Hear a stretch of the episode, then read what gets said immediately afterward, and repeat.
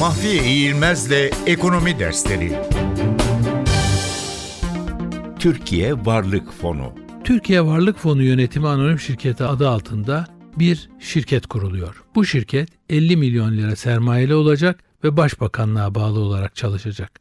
Şirketin yönetim kurulu en az 5 kişiden oluşacak ve başkan ve üyeleriyle şirket genel müdürü başbakan tarafından atanacak. Bu anonim şirket özel hukuk hükümlerine tabi olacak.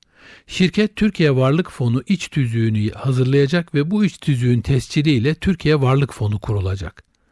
Ayrıca gerek görülmesi halinde Türkiye Varlık Fonu'na bağlı alt fonlar da kurulabilecek. Varlık fonu hisse senetleri tahvil alım satımı yapabilecek, gayrimenkul alıp satabilecek, çeşitli şirketlere ortak olabilecek.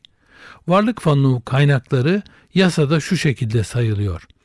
Özelleştirme kapsamında bulunan kuruluş ve varlıklardan bu fona devredilenler, özelleştirme fonundan Türkiye Varlık Fonu'na aktarılmasına karar verilen nakit fazlası, kamu kurum ve kuruluşların ihtiyaç fazlası gelir, kaynak ve varlıkları, yurt içi ve yurt dışı sermaye ve para piyasalarından sağlanan finansman ve kaynaklar, diğer yöntemlerle sağlanan finansman ve kaynaklar.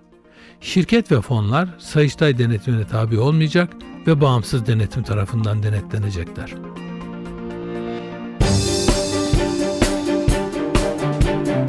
Mahfiye İğilmez'le Ekonomi Dersleri